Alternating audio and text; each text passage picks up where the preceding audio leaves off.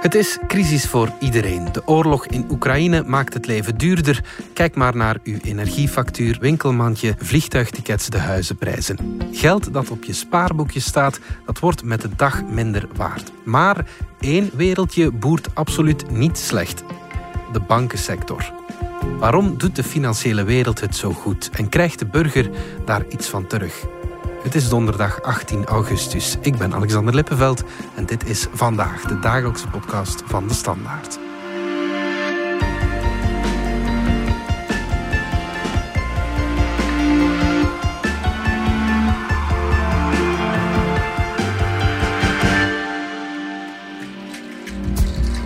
Pascal de Noven van onze economie-redactie.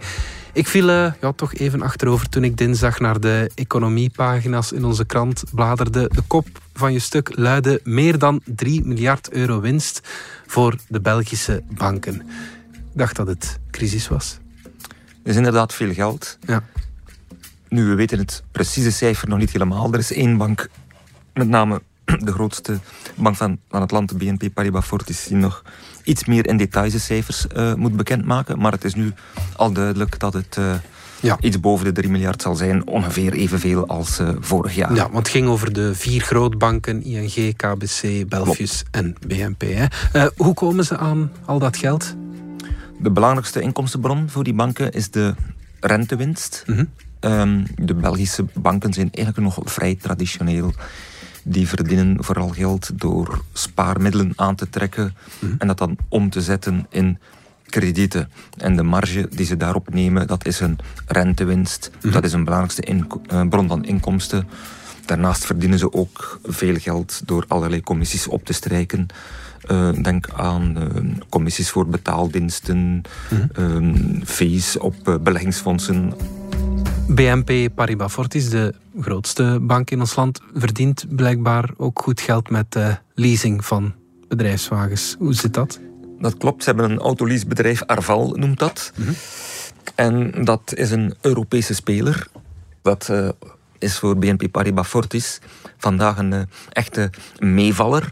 En waarom is dat? Omdat die prijs van die tweedehands voertuigen is zo gestegen. Ah, ja. Dat heeft te maken met uh, leveringsproblemen van, uh, voor nieuwe auto's. Door die lange leveringstermijnen en het feit dat die elektrische auto's uh, duurder worden, auto's in het algemeen duurder worden, zie je dat ook die tweedehands auto's meer uh, waard zijn. We hadden vroeger een tweedehands auto ja, al een betere middenklasse auto, zoals een, een, een BMW 3, ik zeg maar iets, na vijf jaar voor vier, vijf jaar voor 16.000 euro werd verkocht, is dat nu voor meer dan 20.000 euro. Okay. Ja, dat is extra winst die die leasingmaatschappij binnenkrijgt. Ja. Dat tikt mooi aan en daardoor zie je dat die financiële meevaller maakt dat, dat voor BNP Paribas Fortis die leasingactiviteit eigenlijk de grootste winstbron ja. uh, ver aan het worden is. Op 2 september gaan we meer details krijgen, maar je ziet dat nu al ja. um, uit de groepsrekeningen dat de Arval, um, de leasingmaatschappij, zijn um, belastbare winst uh, bijna met twee derde heeft verhoogd in de eerste zes maanden. Oké. Okay. Wat met de kleine banken eigenlijk? Maken zij ook uh, dergelijke winsten? De kleine banken hebben het nadeel tegenover die grotere banken dat ze nog meer afhankelijk zijn van die ene inkomstenbron, die rentewinst. Die grotere banken, zoals gezegd, die verdienen ook veel op beleggingsfondsen, op allerlei andere diensten die ze verstrekken. Banken als uh, een Crelan of een VDK mhm. moeten nog veel meer hebben van die rentewinst. En die hebben echt wel geleden onder die lage en zelfs negatieve rentes die er geweest zijn. Mhm. Argenta zit daar ietsje minder slecht, omdat die ook een verzekeringsbedrijf hebben. Mhm. Dat uh, zie je ook bij Belfius en nog meer bij KBC, dat die ook een belangrijke verzekeraar hebben en daardoor nog andere inkomstenbronnen via de schadeverzekering, levensverzekering. Ja. Maar voor ja, die kleinere banken, die hebben wel gevoeld dat te afhankelijk te zijn van één inkomstenbron, de rente, dat dit niet evident is. Vandaar dat ze ook de laatste paar jaar allemaal hebben ingezet om beleggingsfondsen te verkopen. Ja aan hun cliënteel. Maar ze zijn natuurlijk nog veel minder een beleggingsbank dan die andere instellingen. Hè. Ja, ja, Daar hebben ze nog een inhaalslag te doen. Maar ze zijn er wel mee bezig. Ja, maar ja, vergis u niet, die kleine banken, sommige kleine banken hebben het lastig. Van sommige banken weten we nog niet hoe het er verder mee zal gaan. Denk aan UB, hè, die in volle pandemie is opgericht. De daar, coöperatieve Ja, daar wachten we nog op nieuws. Ja, VDK zijn die marges ook zeer laag. Maar dat zijn natuurlijk klassieke retailbanken, waardoor dat die, ja, die hebben niet veel risico's op hun balans. Dus die kunnen daar allemaal wel mee om. Maar het is toch wel een uitdaging. En waren de laatste jaren niet heel erg moeilijk? Ook voor de grootbanken heeft de pandemie er niet ja, heel erg ingehakt? Wel, toen de pandemie toesloeg, dachten we allemaal dat de economie heel fors ging krimpen. En dat veel mensen in financiële problemen gingen komen, hun kredieten niet meer kunnen betalen. En dat banken dus met heel wat probleemkredieten en wanbetalingen gingen, gingen opgezadeld zitten. Die economie is effectief flink gekrompen, maar die wanbetalingen bij de banken zijn eigenlijk grotendeels uitgebleven. Ja. Alle banken hadden vooral ja, een pessimistisch scenario voor ogen, dachten van ja, dit, de economie stort voor een stuk in de ravijn, dit gaat veel geld kosten. Grootste crisis sinds de jaren 30 werd er gezegd. Ehm, ja, maar de overheden zijn massaal tussengekomen, samen met de centraalbanken. Overheden hebben heel veel geld toegestopt om mensen met inkomensverlies te compenseren. Centraalbankiers hebben massaal de markt overspoeld met goedkoop geld. En als gevolg, de banken zijn daar zeer goed weggekomen. Ja. En hebben ja, die, die grote buffers die ze hadden aangelegd om die megaschok op te vangen, ja, die hebben ze kunnen nadien grotendeels ja, bijna volledig terugnemen. Ja, ja, ja. En, en je ziet vandaag, waar we nu spreken over mogelijke energiecrisis, een economie die in recessie gaat, dat sommige banken nog uit dat potje voor de pandemie, eh, het, het laatste stukje dat ze nog niet teruggedraaid hebben, dat nu ja, isoleren om de verwachte recessieschok die er zou kunnen aankomen vanaf de tweede jaarhelft op te vangen. Ja, ja, ja. En was het na de initiële schok van de pandemie dan heel snel terug ja, business as usual voor de banken? Of eh, hoe zat dat? Ehm, dat dacht men dat we in een wat meer rustig klimaat gingen terechtkomen. Maar zoals u opmerkte, de Oekraïne-oorlog eh, heeft dat wel eventjes eh, grondig verstoord, dat plaatje. Dat heeft dat probleem van die inflatie die aan het opduiken was door die stijgende energieprijzen vanaf medio vorig jaar nog veel versterkt. Allerlei aanvoerlijnen zijn nog meer in de problemen gekomen. Inflatie is gewoon geëxplodeerd zoals we het ja, eigenlijk in decennia niet meer gezien hebben. Waardoor dat de centraalbankiers hun beleid hebben moeten omgooien. Weg met dat goedkoop geldbeleid, op de rem gaan staan om die inflatie proberen af te koelen, Ja. onder controle te krijgen.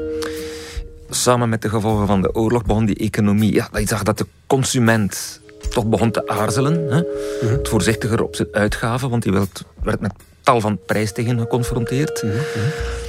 Maar dus voor de banken was het belangrijkste impact van, van dat nieuwe klimaat met die hoge inflatie, dat de centraalbankiers de rente moesten gaan verhogen.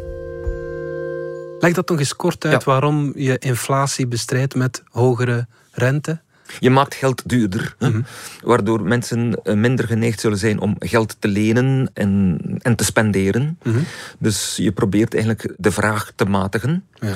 Maar voor de banken is het interessant dat die centraal bankiers, en in Europa dan vooral de ECB, een zijn bocht nam en een einde begint te maken aan dat goedkoop geldbeleid. Ja. U weet wel, de Wat afgelopen... sinds, eh, ja, de banken moesten een strafrente Ja, voilà. betalen van een half procent, zeg maar, op de deposito's die ze bij de ECB parkeerden. Dat is in juli ongedaan gemaakt en staat nu op 0 procent. Ja. Die strafrente is weg. De marktrente is in reactie op die hogere inflatieverwachtingen gestegen. En dat is voor de banken wel belangrijk, want zoals gezegd, wat ze doen is eigenlijk spaargeld. eh, Voor het geld dat de Belgen eh, op, toevertrouwen aan de banken op een spaarboekje plaatsen.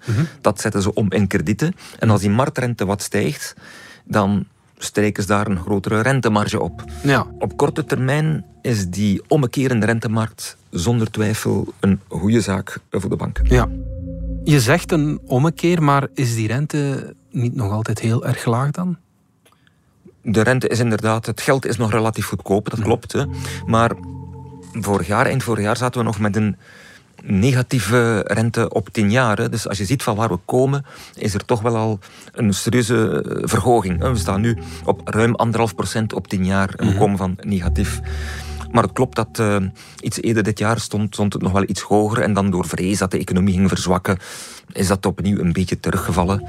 Mm -hmm. maar toch wel een ander gegeven dan vorig jaar toen we met die negatieve rentes zaten. Ja, en wat betekent dat nu voor die, voor die banken? Moeten zij niet heel veel investeren om die 3 miljard uh, winst die ze boekten, om die, ja, om die te halen?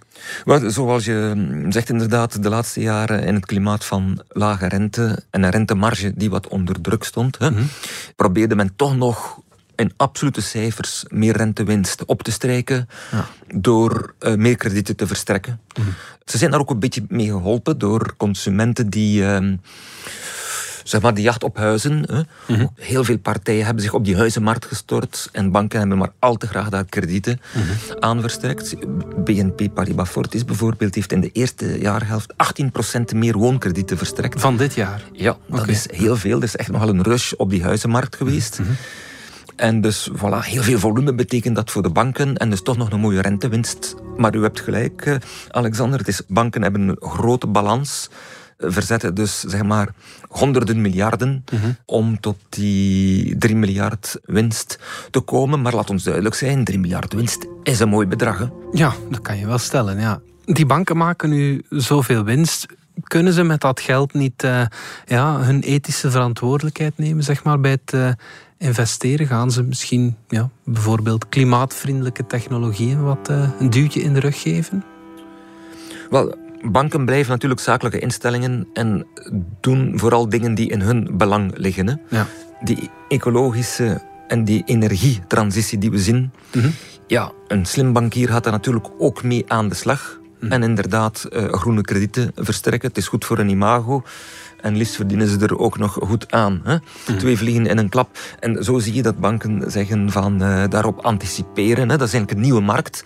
Hans, die uh, klimaatuitdagingen. En sommige banken, kijk, KBC gaf bijvoorbeeld zelf spontaan het voorbeeld dat ze in de eerste jaarhelft 1300 uh, bedrijven zelf hebben geïnformeerd over hun CO2-voetafdruk. Uh, en dat samen met die bedrijven kijken hoe kunnen we die voetafdruk reduceren. Mm Een ander voorbeeldje was van dat ze proberen als ze energiekredieten geven, van vooral te mikken op hernieuwbare. De doelstelling was uh, om tegen 2030 dat uh, eh, 65% van die kredieten aan de energiesector, dat dat voor hernieuwbare ging zijn.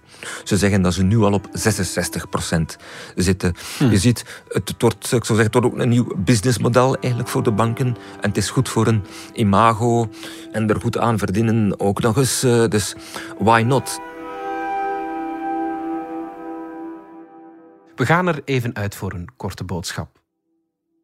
Ondernemen. Het start altijd met een idee. Ik ben echt op een bepaalde ochtend wakker geworden en gezegd tegen Gert: een tweedehands geboortelijst. Is dat niks?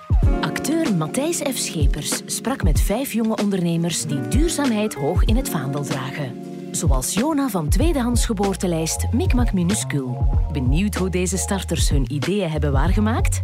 Ontdek De Waarmakers, een podcast van Proximus. Proximus.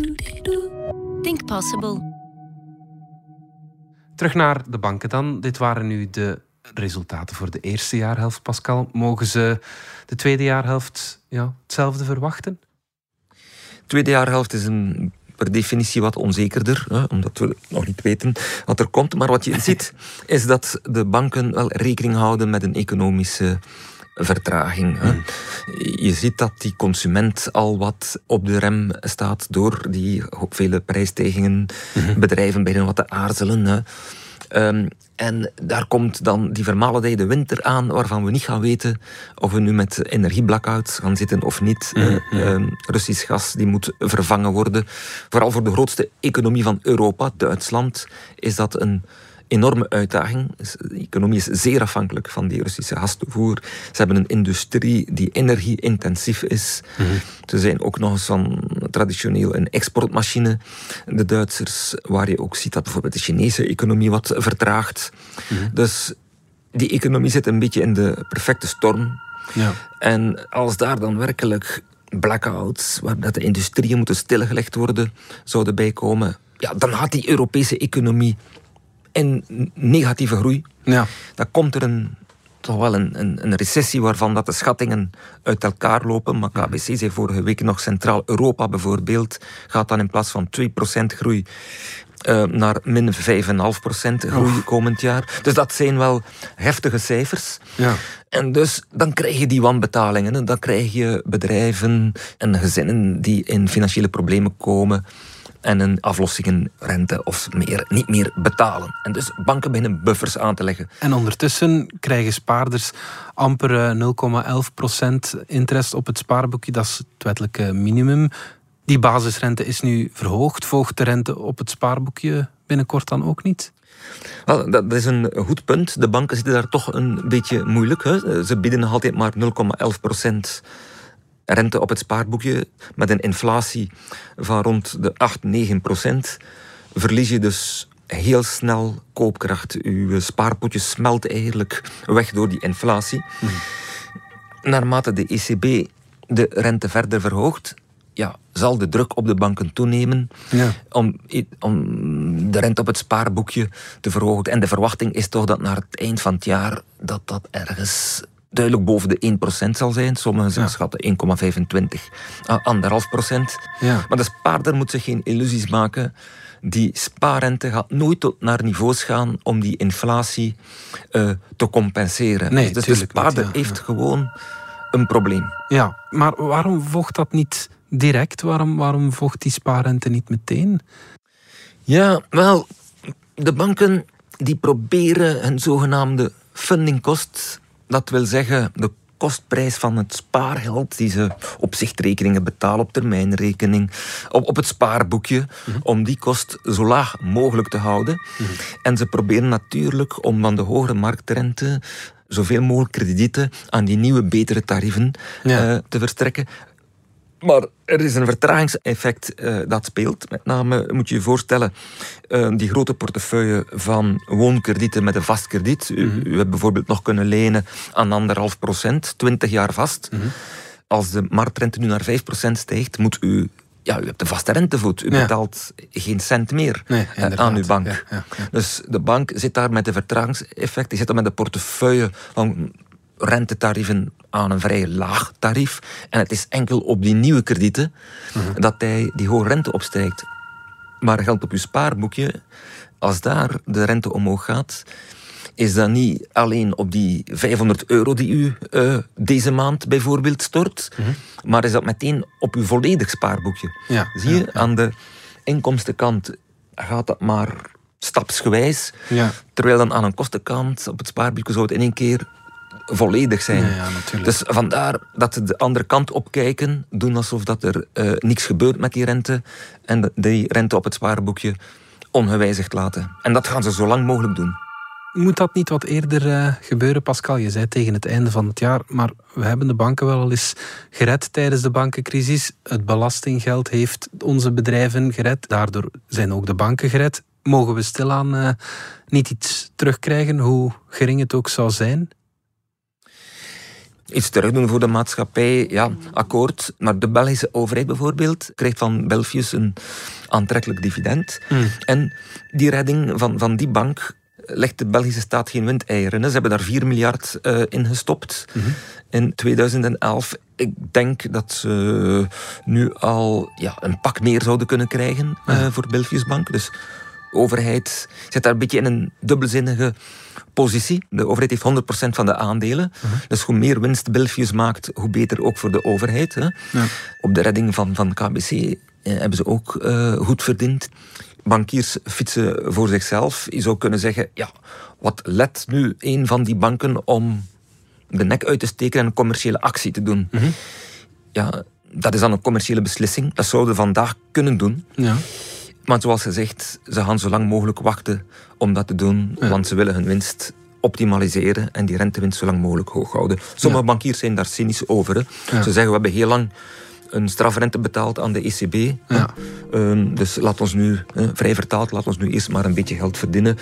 En dan verzwijzen natuurlijk dat ze op, op allerlei manieren ook wel geholpen zijn door die centrale bank. Dus Het, is, het is een gemengd beeld. Een bankier is wat dat betreft misschien een klein beetje zoals een landbouwer. Het is zelden een boerjaar. Er is je hoort ze altijd wel over iets klagen. Ja. Maar vergeet niet, ze hebben knoppen genoeg waaraan ze kunnen draaien. Ja. Dus wat er ook gebeurt. Ik heb de indruk dat ze er altijd wel beter uitkomen. Ze verdienen altijd wel geld, ja. Ja, ja oké. Goed, Pascal den Doven, dankjewel. Graag gedaan. Dit was vandaag de dagelijkse podcast van de Standaard. Bedankt voor het luisteren. Volg ons op Spotify, Apple Podcast of eender welk ander podcastplatform. In onze gratis FDS podcast kan je niet alleen ons werk beluisteren, maar ook de beste podcasttips voor op vakantie of ergens onderweg. Met zorg geselecteerd door onze redacteur Max de Moor. Alle credits van de podcast die je net hoorde vind je op standaard.be-podcast. Reageren kan via podcast.standaard.be. Morgen zijn we opnieuw.